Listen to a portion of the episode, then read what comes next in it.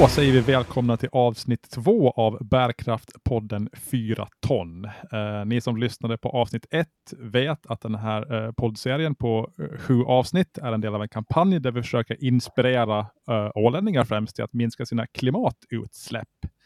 Eh, avsnitten de släpps i Ålands Handels poddflöde, men i övrigt är det här en podd som står på egna eh, skakiga ben. Eh, med mig idag så har jag eh, Karin Rosenberg Brunilla, återigen, eh, ledande hållbarhetslots. Eh, eh, välkommen Karin, hur är det med dig? Tack, det är bra, riktigt bra. Eh, nyligen kommit från semestern och känner mig redo för lite sen sommar och höst. Mm -hmm. ja, ja. Uh, vi kör på distans idag, uh, så vi sitter inte eh, mitt emot varandra. Vi ska snart komma på in, in, på varför vi kör på distans. Det blir en sån liten cliffhanger, men det finns en, en, en bra orsak till det. Um, idag så ska vi egentligen prata om uh, de utsläpp vår fritid leder till, det vill säga det vi gör på, på fritiden och hur man eventuellt kan göra för att minska just de här utsläppen. Då. Men jag tänkte vi börjar med att följa upp det förra avsnittet som kom i juni, vad det var, eh, som handlade om hur man kan minska sina utsläpp från sina eh, transporter. Jag tänkte jag skulle börja med en öppen fråga till dig, eh, Karin. Vad, vad har du känt så här efteråt, det där avsnittet? Har du, har du tänkt någon eh, intressant tanke eller gjort något spännande för att minska dina utsläpp? Eller vad har du ja, ja, alltså jag kände sådär i efterhand att det här var ju lite pinsamt. Jag satt typ där och sa, sa sådär, nej men jag kan inte göra så mycket utan jag har nog gjort mitt för i år. Ja, du var perfekt, du var perfekt den ja. ja. men eh, så var det ju inte alls, utan sen insåg jag ju ganska snabbt efteråt, men hallå, jag kan ju i större grad transportera mig med cykel. Mm, okay. Eh, och det har ju varit optimalt läge för det under sommaren, så det har jag faktiskt gjort mer. Jag har eh, åkt mindre buss och eh, cyklat mera helt okay. enkelt. Ja, ja. Och, och också jo, gjort det här eh, testet på, på Citra igen eh, och insåg att om jag skulle verkligen ta itu med det och, och ytterligare åka buss mindre så då skulle jag kunna minska mina utsläpp ytterligare ganska mycket. Okej, okay. hur långt behöver du cykla? Alltså vart, vart, vart cyklar du liksom? Är det så här? Jag cyklar till jobb, eh, så det betyder väl 18 kilometer, 17, 18. Enkel väg? Eller, Enkel eller? väg, ja. Oj! Okej, okay. och det funkar att cykla? Alltså. Har, du en, har du en elcykel? Jag har en elcykel. Ah, okay. eh, ja, alltså jo, det, det, funkar riktigt bra. Skulle jag inte ha en elcykel, att jag inte skulle Alltså den, den stöttar ju mycket ska vi säga, i backar och, och på vägen från Söderby till stan så har vi ganska uh, många backar och, och mm. de är ganska branta. Ja. Uh, så på det viset så skulle det vara svårt om jag inte skulle ha elcykel att cykla till stan för då skulle jag bli ganska svettig och ja. skulle behöva räkna in dusch och sånt uh, när jag kommer fram. Men med, med hjälp av elcykeln så är det faktiskt bara en, en skön tur. Uh, att jag cyklar Eh, när det är rakt och, och sen har jag assistans på när det är okay. backe uppför. Hur, hur länge tar det? Liksom, adderar det en massa restid till din, till din dag? Eller det? Nej, marginellt eh, i förhållande med bussen och sen räknar jag att jag får lite motionstid eh, på, på köpet men mm. tur och retur tar väl typ en och en halv timme. 45 minuter per väg då. Så, så det är inte så jättemycket om, om jag jämför med bussen till det, typ 10 minuter till. Okay. Uh, för då ska jag också gå till bussen, sen ta bussen och man är ju sällan på busshållplatsen samma minut bussen går. Så där blir ju några minuter dödtid och, och sen ska jag gå från bussen till jobbet.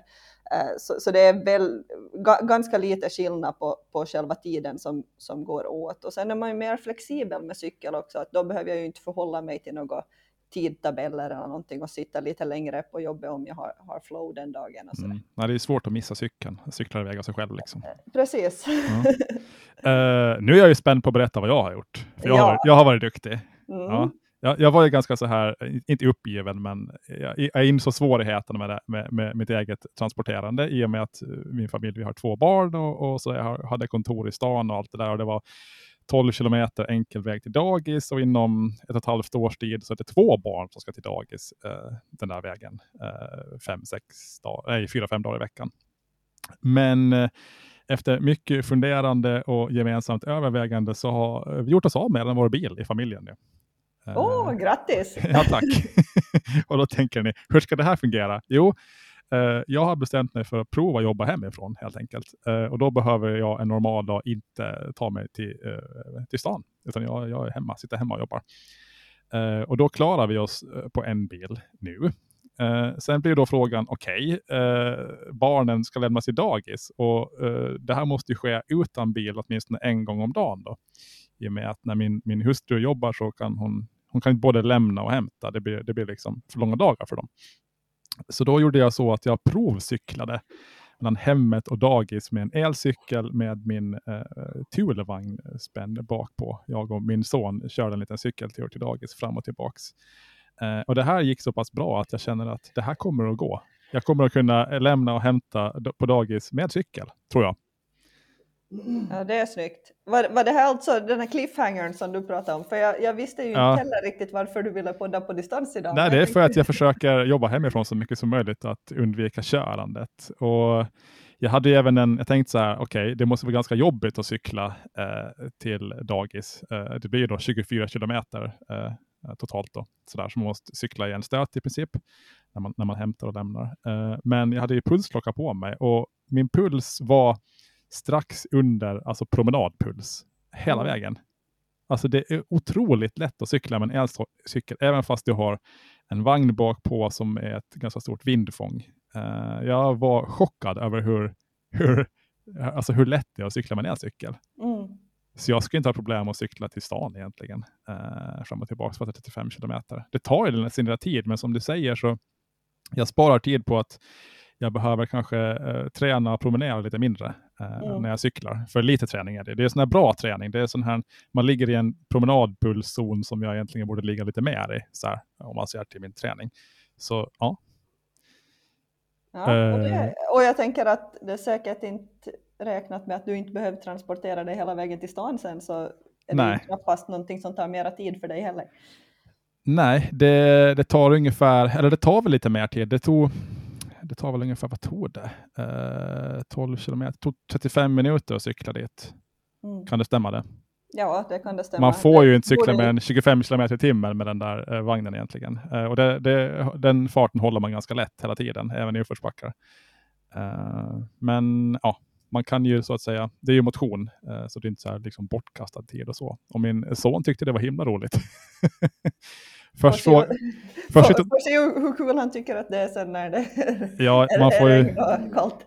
Man får ju vara ödmjuk inför att det kanske inte är lika kul att cykla sen när man har eh, två barn och det är vinter och motvind och sådär. Men vi får se. Eh, ja. Nu har vi åtminstone bara en bil och så länge vi håller det så minskar ju mina utsläpp från transporter med vet, alltså 95 procent. Ja. Alltså det är en otroligt stor skillnad. Så om jag skulle ta det här testen nu, som vi tog i början, då skulle jag nog hamna under 4 ton redan. Så att, men det gäller att hålla i det här också. Det, det, det, om man vi skaffar en till bil och jag börjar pendla igen till stan för att jag får lappsjuka, då är det ju ingenting värt. Liksom, att, men, no, du har ju ändå sparat ditt, eh, under tiden du har sparat, jo, jo, men vi får jo. hoppas att det håller i sig. Ja, precis. Mm. Ja, men så det jag hoppas ni som har lyssnat också har, har, har så att säga, eh, gjort någonting, tagit tag i det där, för att det funkar. Fast man tänker från början att nej, men det är helt omöjligt. Sen bara man provar och funderar och testar så, så går det ju.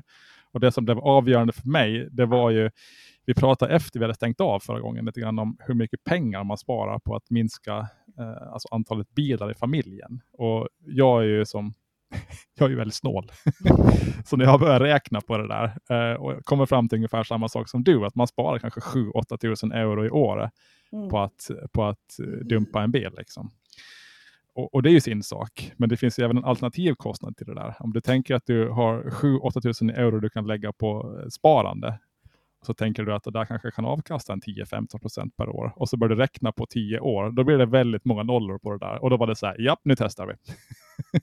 Det låter bra. Bra att jag så... kunde inspirera dig i varje Ja, för ni hade ju räknat ganska noga på det där vad ni sparar och det var väl ungefär 7-8 tusen per år.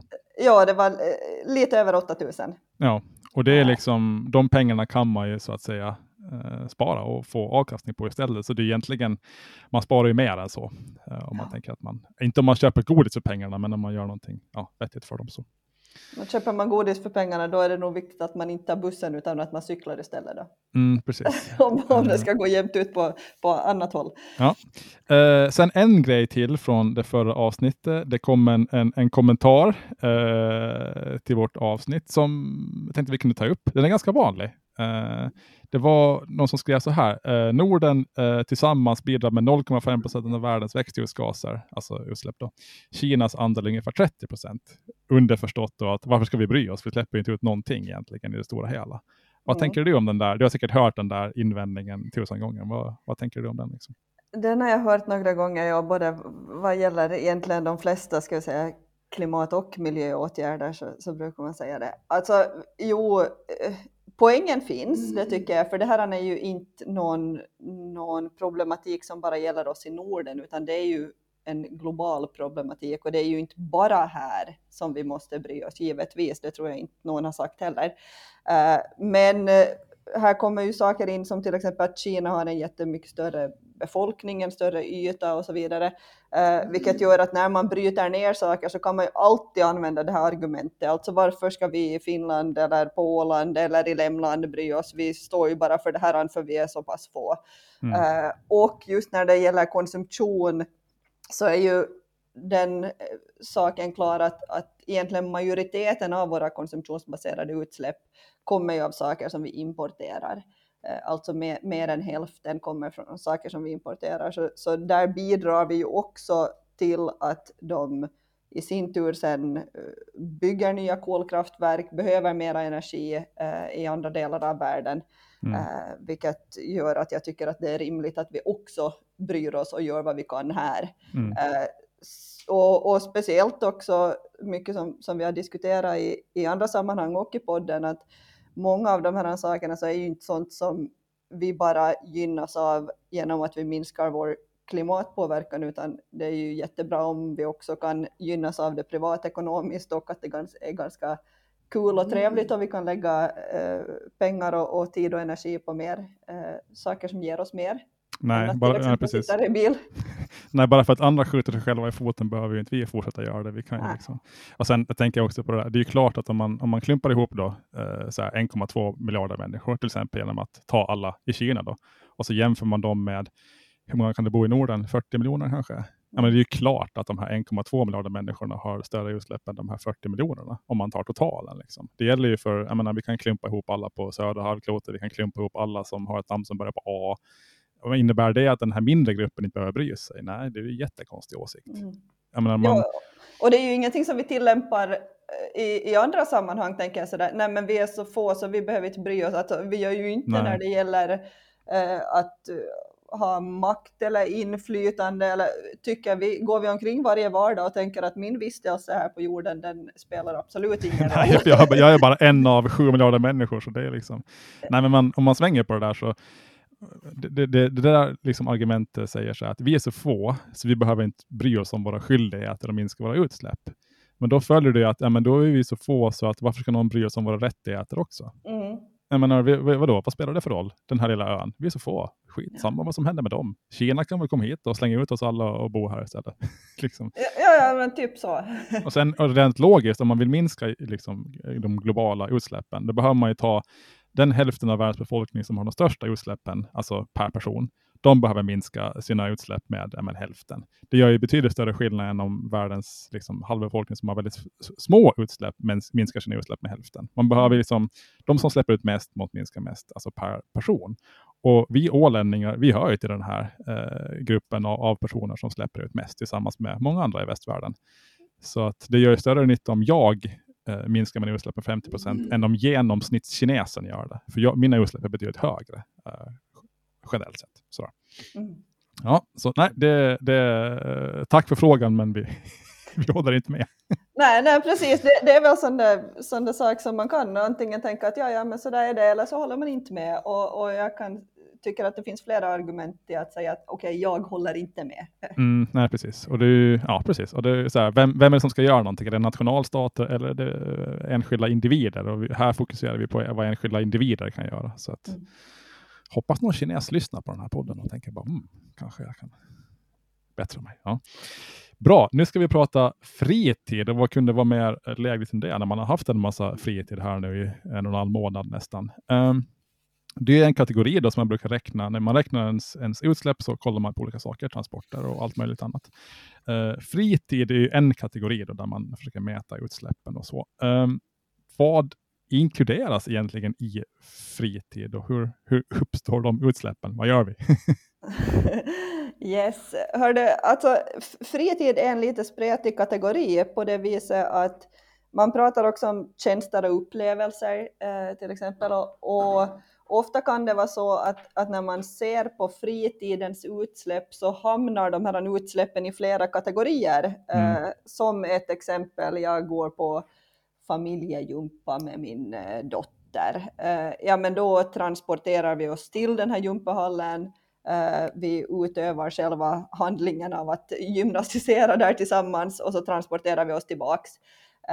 Och sen har vi gympakläder på och så vidare. Så där, där hamnar liksom, det, så, det enda som hamnar egentligen inom fritid Uh, där så är den här själva tjänsten alltså att det finns en instruktör och det finns en lokal som vi åker till och sådär. Uh, men uh, i övrigt så räknas ju transporten till transport, det som vi har på oss och det som vi behöver för att utöva vår sysselsättning, mm. det räknas den till varor. Eh, så, så den här kategorin är lite spretig att följa och olika aktörer räknar in lite olika saker. Så jag tycker den här är sån där att att man, man kan få ganska stora variationer beroende på vilken studie man ser på och sådär. Men generellt så räknas det våra, ska vi säga, vår, vår tjänstekonsumtion.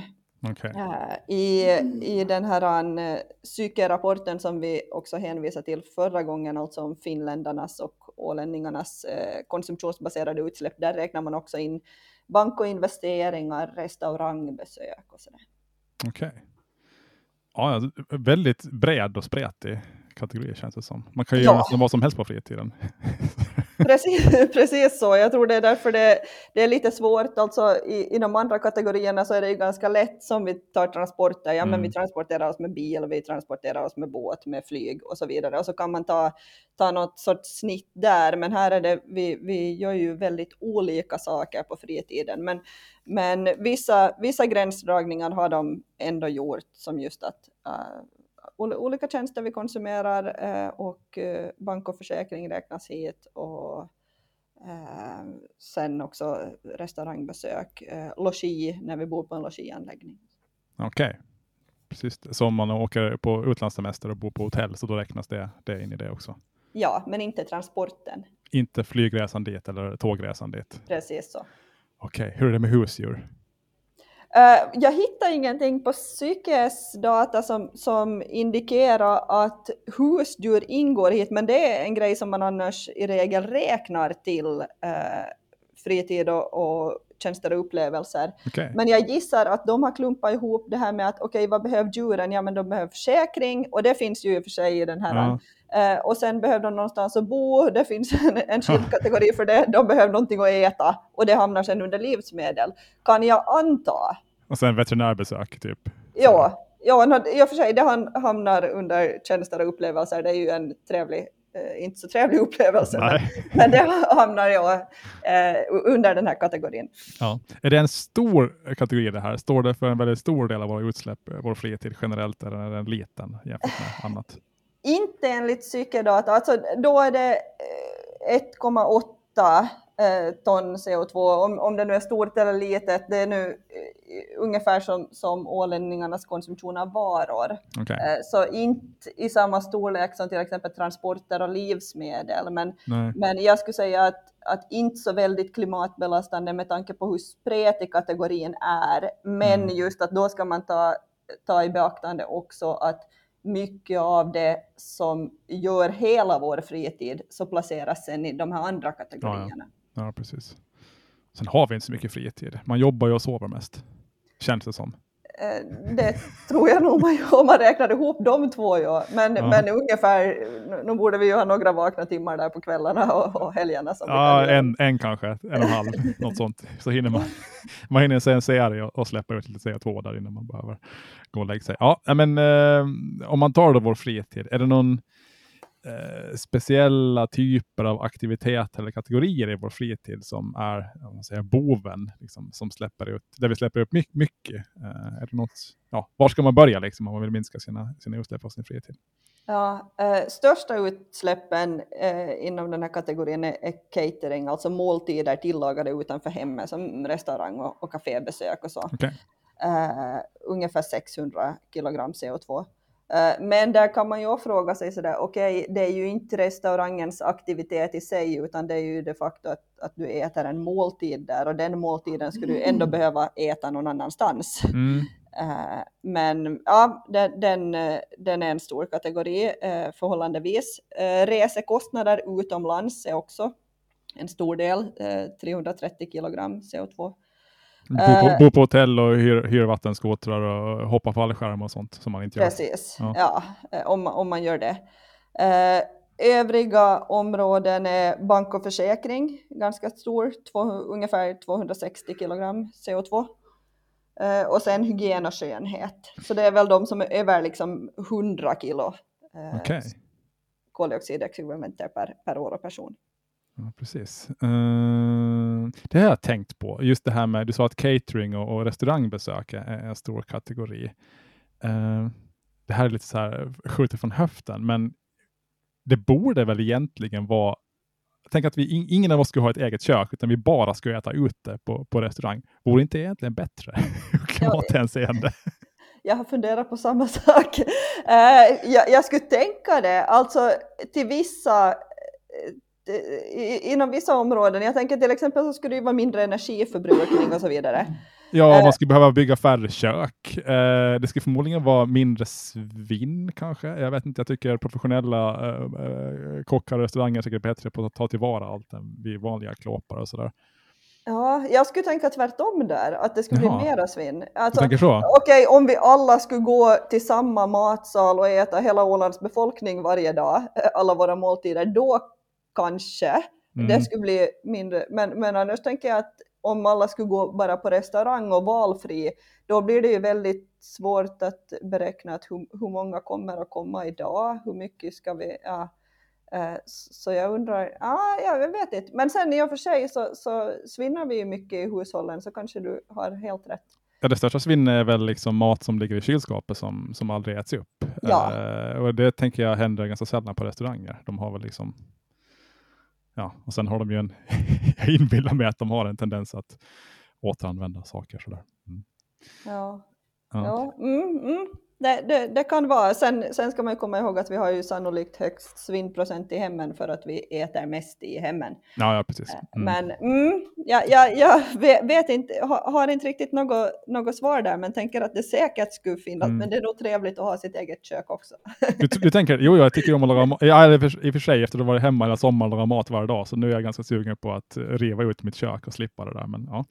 Uh, fri, uh, stugor, sommarstugor, det har vi jättemycket på Åland, det har vi inte ens nämnt. Ingår det i fritid? Eller var... Eh, ja, jo, jo, det gör det. Uh, jag hittar dock inget specifikt just under psykesberäkningar, så jag är sådär att är, är det sen under uh, bostäder och, och det, ja, det området. Uh, men jo, vi har ju över en halv miljon fritidshus och stugor i Finland. Okay.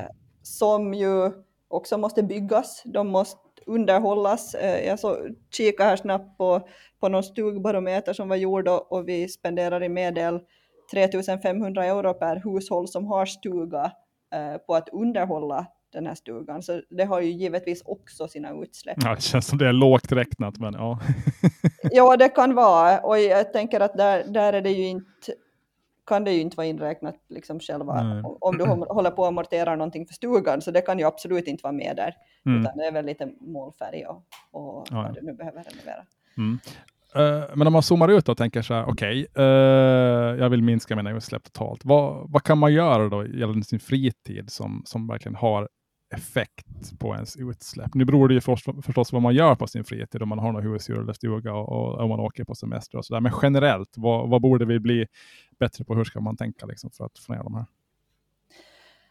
Uh, jag, jag är lite sådär jag, jag, vet inte vad ska vi säga, ambivalent till den här kategorin. Mm. Men jag, jag, jag, tycker att det är kanske inte här man ska börja leta. Eh, ofta i tjänster och upplevelser, eller speciellt liksom ren tjänstekonsumtion, den är inte särskilt klimatbelastande, eller inte, inte nästan alls faktiskt. Okay. Och, och det är också en grej, som jag sa här innan, att sitta i en bil och transportera sig till jobbet, det tillför inte så himla mycket värde i mitt liv. Det, det är till och med trevligare de, de, i de flesta väder att ta cykeln. Uh, men att tjänster och upplevelser är ofta sånt som tillför ganska mycket i, i ens liv.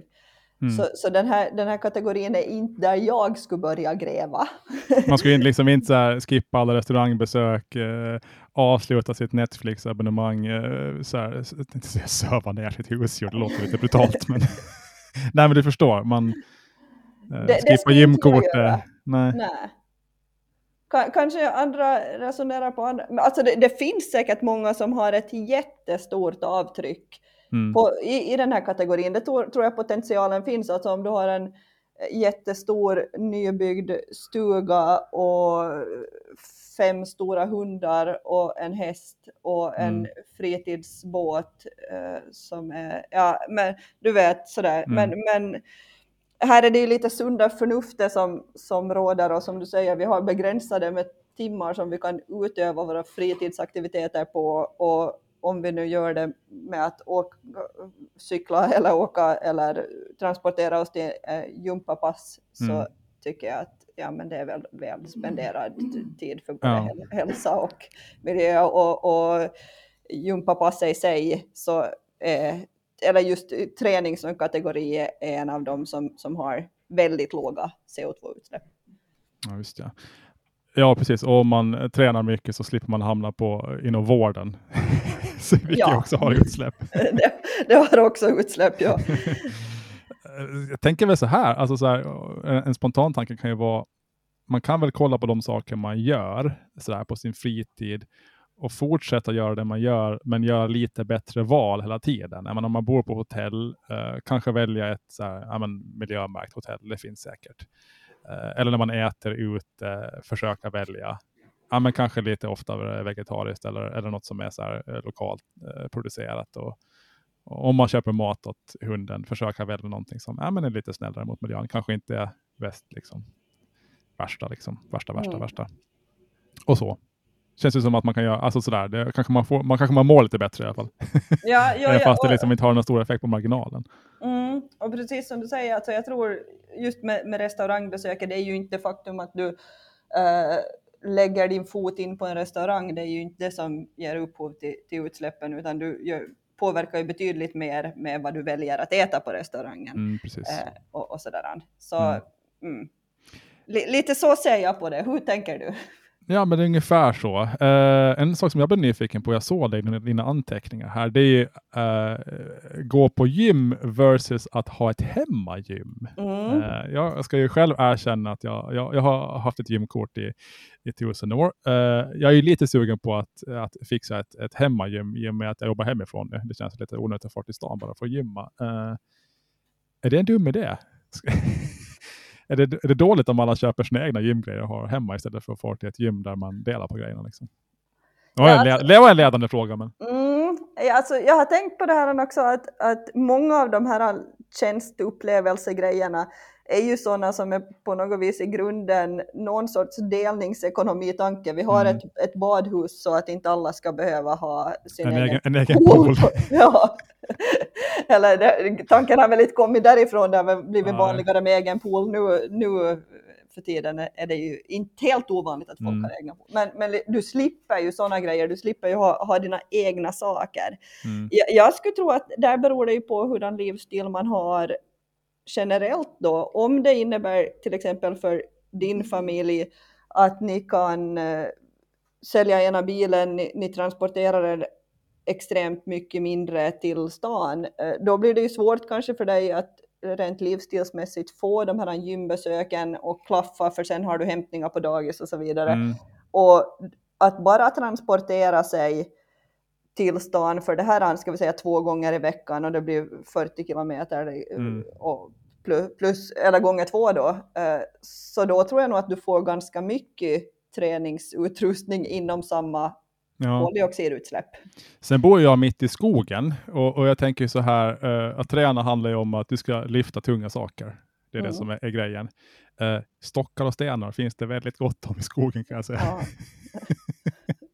man kan vara ganska kreativ när det gäller att göra sina egna gym, speciellt den här tiden på året. Då kan man vara ute och lyfta tunga stenar över huvudet utan att försöka tappa dem i, i pannbenet förstås. Men man, ja, kan vara, man kan vara lite kreativ där också, man behöver kanske inte alltid köpa allting. Liksom. Nej, och det tycker jag under coronan så, så kom det ju verkligen så här för det första så, så kom det massa träningspass mm. online mm. som var tillgängliga och där var de ju verkligen sådär oj, fyll två eh, pantflaskor som du har hemma och använda. Eller där var man ju på något vis medveten om det här att okej, okay, folk var inte förberedda på det här. Och Nej, och det fanns, alla grejer var slut också. Det gick ja. inte att köpa skivstänger och sånt. Jag menar, jag menar sen, du har din egen kropp och sen har du grejer runt omkring dig som är ofta ganska tunga. Det är traktordäck och det är rep och det är stenar och det är stockar och allt möjligt. Det finns det barn. Ja. Jo, jo alltså det, det, är ju till, till och med kan du använda barnet om, om, ja, du, om du har fått samtycke. Min son tycker det är jätteroligt när jag gör, gör så här eh, bänkpress med honom. Han, mm. han borde lägga på sig lite kilon bara, det är lite lätt. Men... Just det.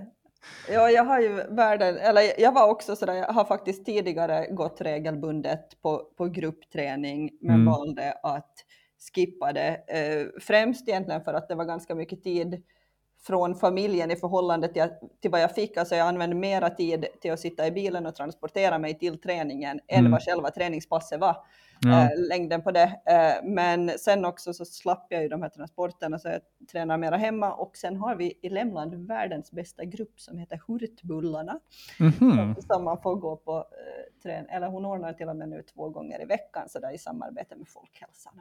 Okej, okay. ja, ja. Och, Folkhälsan och, dylika föreningar har ju ofta också om man börjar kika väldigt mycket träning, ska vi säga, de har ju mera lokala träningsgrupper och yoga och vad de nu har. Mm. Ja. Finns andra uh, också, men, men ja. Mm. Sen det här uh, bank och försäkring är ju en ganska speciell, att den, att den hamnar på fritid, det var lite, lite roligt, men uh, där finns det en del att göra, säger jag som ekonom. Ja, det, det, här var en grej när jag såg den så tänkte jag det här vet du nog mer om än mig. Så ja. den kikar jag inte så mycket på. Ja, men generellt, alltså banker, inte alla banker, de är ju väldigt eh, så här, eh, är med och finansierar verksamheter som har väldigt stora utsläpp. Och sen har ju eh, banker en, ett behov av att eh, framstå som väldigt eh, pålitliga och, och, stabila och trygga. Så de har en tendens att bygga väldigt, väldigt, väldigt stora kontor på väldigt, väldigt centrala adresser och, och, och, och lämna därmed ett väldigt stort avtryck. Um, så jag kan väl känna att man, man kan ju vara lite medveten där när man väljer eh, banker och, och, placeringsprodukter och sånt. Att ta sådana som kanske är lite mer ibland nätbaserade och ibland har de största excesserna och inte heller med att finansiera sådant som man kanske inte vill, vill vara med och finansiera. Så där finns det också en del grejer att göra som inte försämrar ens liv överhuvudtaget och inte gör det dyrare heller, utan det, ja, det är ganska lätt. Om man bara sätter sig in i det lite grann, men det där tycker kanske inte alla är så jättespännande. Men, mm. Nej, det, det, var liksom en av de områden som jag var sådär, åh nej men vad kan man göra? De, de, andra, många så kan man ju verkligen tänka till och göra konkreta handlingar, men där tänkte mm. jag mest sådär, ja men det är väl lite konsumentmakt där då, att, mm. vad gör jag för val? Ja, precis. Mm. Uh, ja. Uh, om vi ska ta då oss själva som exempel, vad, vad känner du? Hur, hur ser dina utsläpp från din fritid ut? Är de gigantiska eller är det så här, ja, det, det är som dina transporter, det är perfekt Ja, alltså, äh, min, mina transportutsläpp kommer ju i dagsläget i stort sett av min fritid. Eller ja. att, att, det här med, med, att transportera mig väldigt klimatsmart till jobbet har jag ju bättre koll på än, än vad vi sen gör efter jobbet. Då, då använder vi till exempel mer frekvent vår, vår bil. Då. Uh, men, men som sagt, det är ju en annan kategori. Jag vet inte, det här var lite svårt, för det andra så fanns det ju faktiskt i den här Citras testfunktion mm. så fanns det ett skilt område, men det fanns det inte för tjänster, upplevelser och fritid. Nej, man fick inte fram någon siffra på det. Nej. nej. Uh, så, så jag får gå på min magkänsla. Uh, majoriteten kanske av, av mina utgifter, om man inte ser på sånt som nu direkt är eh, bostadslån och husrelaterat, så är nog den här kategorin. Okay. Uh, och, men, men sen vet man ju när det kommer till, till att specifikt se på det, att, att se var, var era utgifter är och där är påverkan. Och det funkar ganska bra om man ser till hela hållbarhetsfrågan. Men ser man bara till, till klimatfrågan så, så behöver det inte alltid vara så. En euro i en Nej. kategori är inte samma som en euro i en annan. Uh, men uh, jag skulle tro att här är jag kanske som, som uh, medelpersonen, mm. kanske till och med något högre. Vi har en ganska aktiv eh, fritid och det är också en kategori som jag gärna spenderar pengar på. Jag tycker det är mycket vettigare för mig mm. att kunna stötta en lokal teatergrupp som nu har velat göra en, en framställning en, eller föreställning än att köpa en ny tröja. Mm. Så, och det var därför jag nu satt och sa, ah, men det här är kanske inte så jätteviktig kategori. därför jag sitter och försvarar den, för att det, är, det någon som jag, mm. är, är, det någon som jag har potentialen att ligga över medelålänningen så är det denna. Okej. Okay. Uh, jag tvärtom tror jag ligger väldigt, väldigt lågt på det här. och det tror jag är så här, eh, nackdelen med att bo mitt ute i skogen, det är att du blir liksom beroende av transporter eh, och det ökar ditt, ditt, ditt avtryck. Fördelen är ju att du får ju en fritid som är, eh, eller kan åtminstone vara, jag menar, väldigt eh, klimatvänlig och snål. Jag menar, min fritid ser ut som att jag går ut i skogen och plockar bär. Jag ror runt i min roddbåt. Jag är ute i skogen och, och slänger stenar kring mig och slår lite vass och sånt det, det, finns inga restauranger och sånt här ute, liksom i, mm. mitt ute i urskogen. Uh, så där, där är jag nog ja, ganska bra. Mm. Ja, men sen också ska jag tillägga att de här stora grejerna som man kan räkna in här som just alltså, fritidsbåt, stuga, mm. eh, nu när vi numera pratar sommartid och många och stora husdjur, alltså inget av det har jag. Eh, så det, det, är nu de här an, verkligen, alltså de, de som är under 100 kilo CO2 per år, de har jag många av. Mm. Och, och, i stort sett är vi nu ute och flänger och far majoriteten av våra kvällar och helger. Men, mm. men, ja, men de bor, ja, jag, jag, vet inte, det är svårt att, att uppskatta. Jag, jag, kan, jag, jag är nog säkert kring med den. Ja. Vi har ju en, en, en, motorbåt som står på land. Jag, jag tittar på den nu. Den, den, den, står på land för att min son är vansinnigt rädd för snurren, så vi använder bara vår roddbåt. årets klimathjälte. Ja, precis. det är en ganska liten snurra, 20 hästar, men ja ändå. Uh, bra, då har vi gått igenom fritiden. Det är dags att börja, börja arbeta här efter semestern. Då. Uh, tänkte så här, om man vill veta mer uh, om det här, uh, engagera sig, hjälpa till i, i vårt arbete, den här kampanjen med att minska utsläppen, vad, vad gör man då? Ja, men jag skulle väl säga det främsta är väl att fundera på sina egna utsläpp eh, och där rekommenderar vi ju varmt eh, den här Citras livsstilstest som det också finns eh, länk till på, på bärkraft.ax. Eh, där brukar vi också lägga in lite tips och eh, en länk till podden också eh, som saker som man kan göra och, och, och fundera på. Mm. Sen får man gärna komma in med frågor. Det går att skriva säkert, kommentera på Facebook och det går att kommentera på Spotify också om man lyssnar på avsnitten där. Och så tar vi upp alla frågor och synpunkter. Vi lovar att inte sabla ner alla. Ja. Kanske ganska många sablar vi ner, men inte alla. Precis så. Bra, uh, då är vi nöjda för den här gången då. Vi oh, kommer väl tillbaka om ett par veckor kanske, i och med att det var lite paus i julen där så, så, så är vi skyldiga ett avsnitt till här i augusti ska vi väl säga. Men, ja, eh, vi, vi, var så upptagna med vår, våra tjänst, tjänster och fritid. Precis. Ja, men bra, du får ha det bra tills nästa gång så, så hörs vi om ett par veckor då. Så gör vi. Bra. Hej hej! hej, hej.